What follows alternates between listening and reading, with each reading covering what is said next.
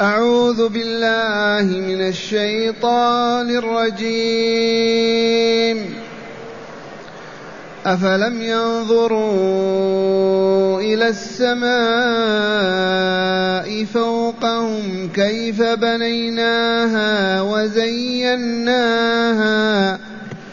وما لها من فروج والأرض مددناها وألقينا فيها رواسي وأنبتنا فيها وأنبتنا فيها من كل زوج بهيج تبصرة وذكرى لكل عبد منيب ونزلنا من السماء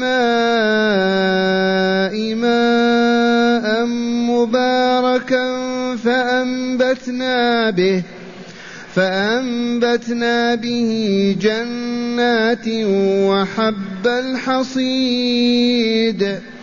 والنخل باسقات لها طلع نضيد.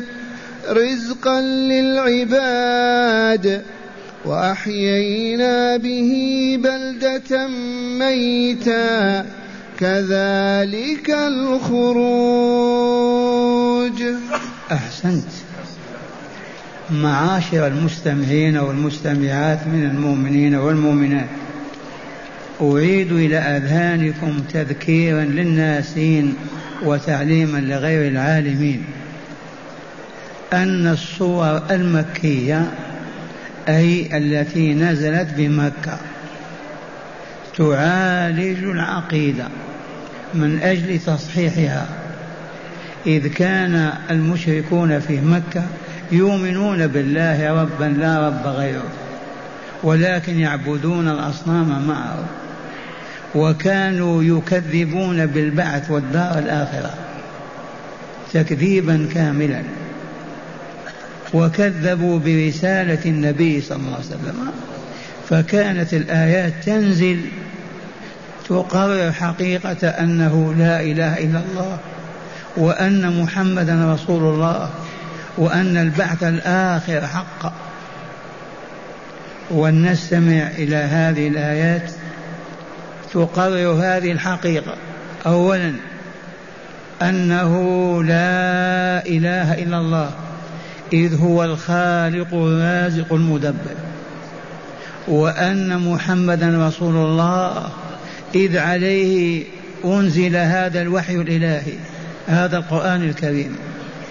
وأن البعث الآخر حق بأدلة عجب وبراهين ساطعة كالشمس لا ينكرها إلا ذو عمى ولا قلب له ولا بصيرة.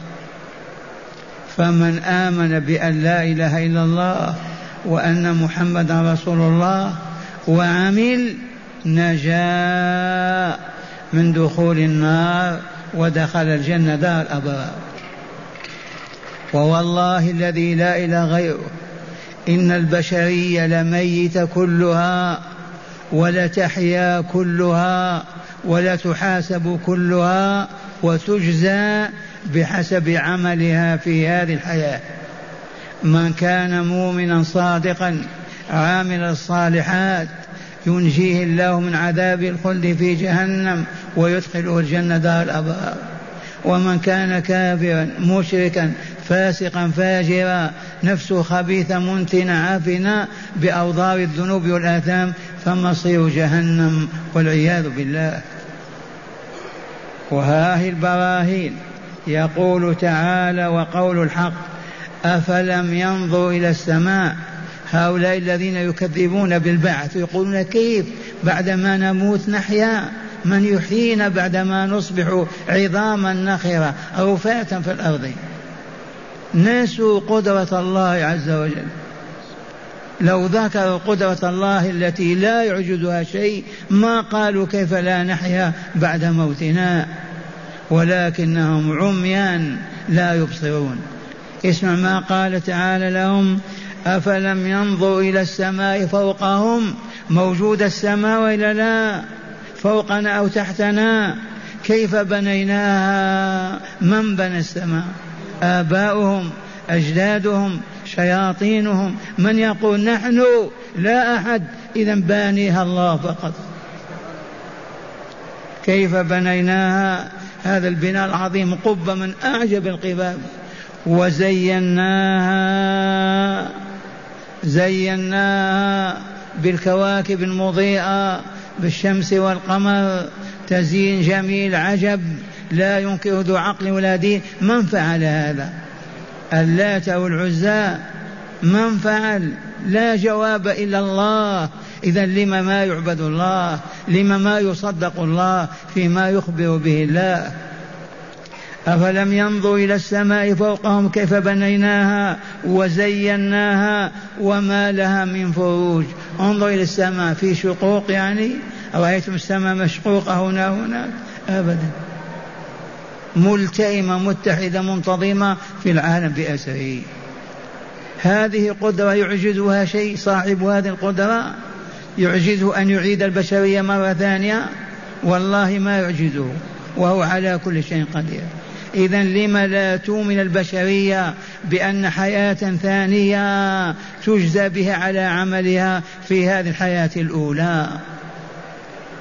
هذه البشرية من اليابان للأمريكان 95% لا يؤمنون بالبعث والدار الآخرة. بصرف الشيطان لهم عن ذلك. وإلا لو فكروا أدنى تفكير فقط لقالوا لم خلقنا؟ لم نموت؟ خلقنا ثم يميتنا. ما خلقنا أنفسنا؟ ما نميت أنفسنا؟ من خلقنا وأماتنا؟ هذا هو الخالق. هذا هو رب الإله الحق. لما خلقنا؟ لنعبده. لما يعيدنا ليجزينا على عملنا الذي عملناه في هذه الدار. ولكن لا يرفعون رؤوسهم إلى السماء ولا ينظرون من بناها. أفلم ينظروا إلى السماء فوقهم كيف بنيناها وزيناها وما لها من فروج هذه السماء والأرض مددناها. والأرض من بسطها آباؤنا أجدادنا بنو فلان أمريكا اليابان. قولوا يرحمكم الله والله لا باسط لها إلا هو. من مدها وبسطها لتنتظم الحياة عليها ويعيش عليها بنو آدم والحيوانات. خالق هذه ما يعبد. خالق هذه ما يذكر خالق هذه ما يحب خالق هذا ما يخاف. آه لأنهم صم بكم عمي فهم لا يرجعون. والأرض مددناها وألقينا فيها رواسي. هذه الجبال جبال التبة جبال أوروبا جبال العالم. هذه الجبال من جمع ترابها حجارتها من نصبها؟ آباؤهم أجدادهم. الحيوانات. من فعل هذا لا جواب إلا الله فقط. والأرض مددناها وألقينا فيها رواسي حتى لا تميد بنا وتضطرب وما نستطيع أن نحيا على الأرض. لولا أنها كالجي كال كالأوتاد. كالأوتاد مثبتة الأرض وإلى تميل الأرض بالناس ويهلكون. وجعلنا الجبال أوتادا جمع وتد الذي تربط به الخيمة. وألقينا فيها رواسي وألقينا فيها رواسي وأنبتنا فيها من كل زوج بهيج. هذه النباتات على اختلافها وتنوعها الأشجار على اختلافها كلها من أنبتها. لا جواب إلا الله فقط. في من يقول لا من؟ العلم علم من؟ لا بد من كلمة الله. ثم كلمة الله والإيمان بالله. هذا من عهد آدم عليه السلام إلى يومنا هذا. والبشرية تعرف أن الله هو خالقها ورازقها كفار ومؤمنين.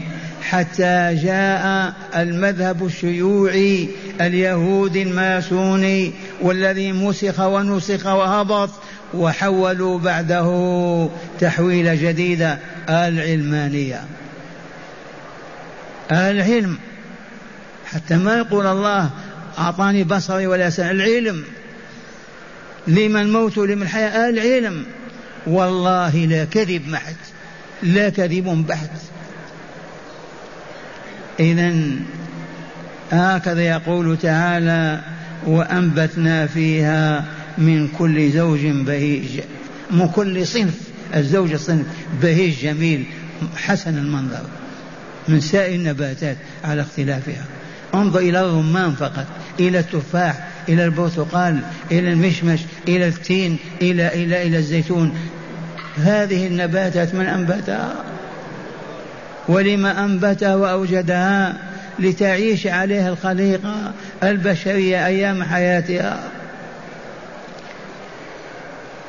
ثم قال تعالى تبصرة وذكرى لكل عبد منيب.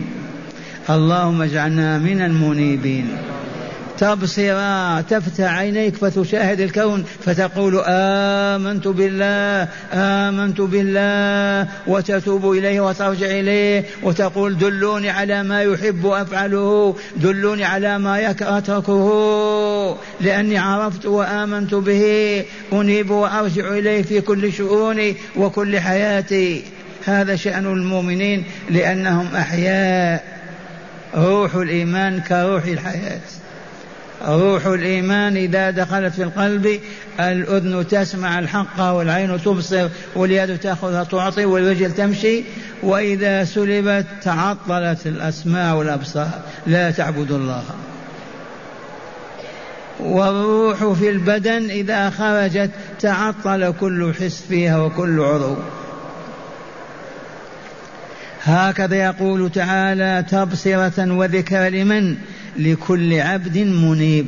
المنيب الذي ينوب إلى الله في كل شأنه ويرجع إلى الله في كل شؤون حياته وما إن تزل قدمه ويرتكب ذنبا إلا ينوب ويرجع إلى الله ويستغفر ويتوب إليه. موصوف بهذه الصفة العجيبة منيب. لكل عبد منيب. من العبد؟ كل ما خلق الله من البشر هم عبيده وهو سيدهم ومالكهم. أبيضهم وأسودهم كافر ومؤمنهم كلهم عبيد لله تعالى. ثم قال تعالى ونزلنا من السماء ماء نزلنا نحن رب العزة والجلال والكمال.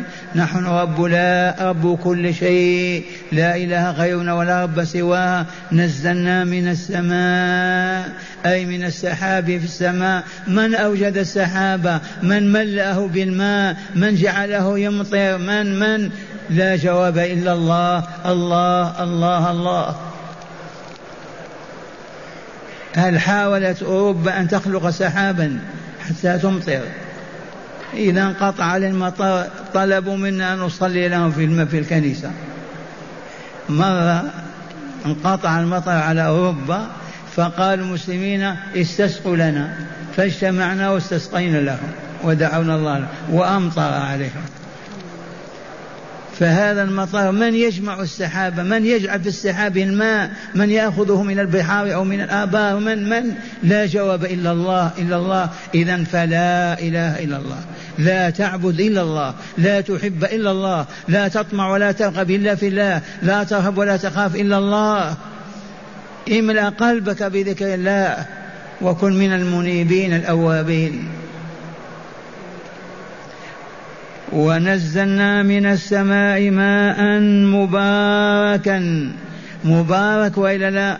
المطر مبارك والله مبارك. ينبت النباتات والزروع على اختلافها. والأشجار ولولا البركة كيف ينبت هذا؟ مبارك. ونزلنا من السماء مباركا ماء مباركا فأنبتنا به جنات فأنبتنا به جنات وحب الحصيد الجنات جمع جنة البستان. البساتين في العالم نبتت على الماء ولا على التراب؟ أو على اللبن أو على السحر. كل البساتين في العالم نبتت على ماذا؟ على الماء. فأنبتنا بحدائق بساتين. وحب الحصيد. الحب الذي يحصد ما هو؟ البر الشعير الذرة. كل الحبوب التي تحصد سبب وجودها الماء وإلا لا؟ الماء المبارك الذي نزل من السماء. فأنبت وحب الحصيد. والبشرية الآن تأكل الخبز من أي جهه من أي جهة؟ من التراب. من حب الحصيد. في أي مكان. ثم قال أيضا والنخل باسقات. ادخل البستان وارفع رأسك إلى النخل أين تجدها؟ باسقات عاليات مرتفعات إلى عنان السماء. كيف نبتت هذه النخلة العظيمة هذه؟ من نواة هكذا بذره صغيرة أصبحت بهذه الحال من أنبتها. أجدادنا آباؤنا اللات والعزى عيسى ومريم عليهم السلام والله لا جواب إلا الله لم ينبتها إلا الله. لماذا أنبتها؟ لعباده مؤمنين وكافرين ليعيشوا على التمر وعلى الحب والزرع حتى تتم حياتهم على انتظام الهي وبعد ذلك ينتقلون إلى الدار الآخرة الباقية الخالدة. والنخل باسقات أي عاليات مرتفعات لها طلع نضيد. الطلع تقول النخلة أطلعت تطلع الطلعة وتفتح وإذا بها منضدة حبوب عجب. والنخلة باسقات لها طلع نضيد. من ينضد هذا الحب في, في آمنا بالله. منين يخرج؟ من خشبة. ميتة. ويتفتح وإذا به رطب يأكله الإنس والجن. سبحان الله. والنخل باسقات أي وخلقنا النخل وأنبتناها باسقات لها طلع نضيد منتظم. عجب هذا الطلع. ثم قال تعالى رزقا للعباد. لماذا أنبت النخلة وجعلها تطلع؟ لما جعل الطلع فيها لما حول الطلع إلى تمر ورطب من أجل ماذا؟ رزقا لعباده مؤمنين وكافرين. إلا أن المؤمنين يشكرون والكافرين يكفرون والعياذ بالله. والسبب في ذلك أن المؤمنين أحياء والكافرين أموات. وهل ميت تطمع أن يشكر؟ ميت. ما ينطق ولا يبصر. والحي هو الذي ينطق ويبصر. فالمؤمنون أحياء والكافرون أموات. ولو طاروا في السماء ولو غاصوا في الماء لو ادعوا ما ادعوا من أباطيل وترهات هم عبيد لله مخلوقون لله مربوبون لله وسوف يجزيهم على كفرهم وعصيانهم بدخولهم جهنم. عالم الخلود لا يخرجون منها أبدا. بليارات السنين. ما في فناء ولا موت. الفناء والموت في دار العمل فقط. نحن شغالون عمال. انتهى العمل انتقل. أما الجزاء هناك. والنخل باسقات لها طلع نضيد رزقا للعباد. وأحيينا به بلدة ميتا أحيينا بالماء من السماء المبارك بلدة ميتة. كم من أرض ميتة تنبت نخلة والشجر بعدما كانت ميتة. وأحينا ببلدة ميتة. ثم قال تعالى هكذا الخروج. هكذا الخروج من القبر. كما أحيا الله هذه الأرض بهذه النباتات والعجائب يحيينا نحن من التراب كذلك ونصبح كالنخل. كذلك نخرج الموتى. كذلك كذلك الخروج أي من الأرض. ينزل من السماء ماء كمني الرجال. والأرض كلها كالصحفة البيضاء. ووالله لننبت كل آدمي من ذرية آدم. ينبت كما ينبت البقل في الأرض. وعجب الذنب عظيم صغير في خرزات الظهر الأخيرة. هذا لا يفنى أبدا. ومنه ننبت كما ينبت البقر. أربعين سنة أو عاما وإذا بالأجسام كلها نبتت في الأرض. فينفخ إسرافيل نفخة الحياة فيقومون كلهم لله. ونفخ في الصور فإذا هم من الأجداث أي القبور إلى ربهم ينسلون. والله كما تسمعون سيأتي يوم تنتهي هذه الحياة وتأتي نفخة الفناء فتتحلل الكائنات كلها. لا السماء ولا الأرض ولا الجبال ولا ولا وتوجد أرض كقطعة كورقة بيضاء وفيها فقرات الظهر ذيك العجب موجود محفوظ فيها. وينزل هذا الماء من السماء وننبت في مدة أربعين. قال أبو هريرة لا أربعين يوما أو سنة. فلما تكتمل الأجساد كلها ما فيها طفل صغير وكبير ينفخ إسرافيل نفخة الحياة فتدخل الأرواح في أبدانها. وكل روح تنزل إلى بدنها ولا تختلف عنه. آمنا بالله. كذلك الخروج. كما أنبت كما رفع السماء وبناها وأنزل الماء من السماء وأنبت به كذا كذا كذا. هكذا الخروج من القبور. لم تكذبون بالبعث الآخر؟ ومن هنا آمن العرب ودخلوا في الإسلام بهذه البيانات القرآنية العجيبة. ولكن الذي نأسف له أن الكفار الآن ما بلغناهم هذا ما جلسنا معهم. ما سألناهم لم لا تؤمنون بالدار الآخرة لما خلقتم في هذه الدار؟ هذا يحتاج إلى المجالسة والمكالمة بأدب واحترام. والله لا يرجعون. إذ لا معنى لعقل أبدا ينفي وجود الله عز وجل وهو مخلوق خالقه. ولا ينفي الدار الآخرة وهذه تموت وتفنى. الذي أوجد هذه قادر على أن يوجد الأخرى.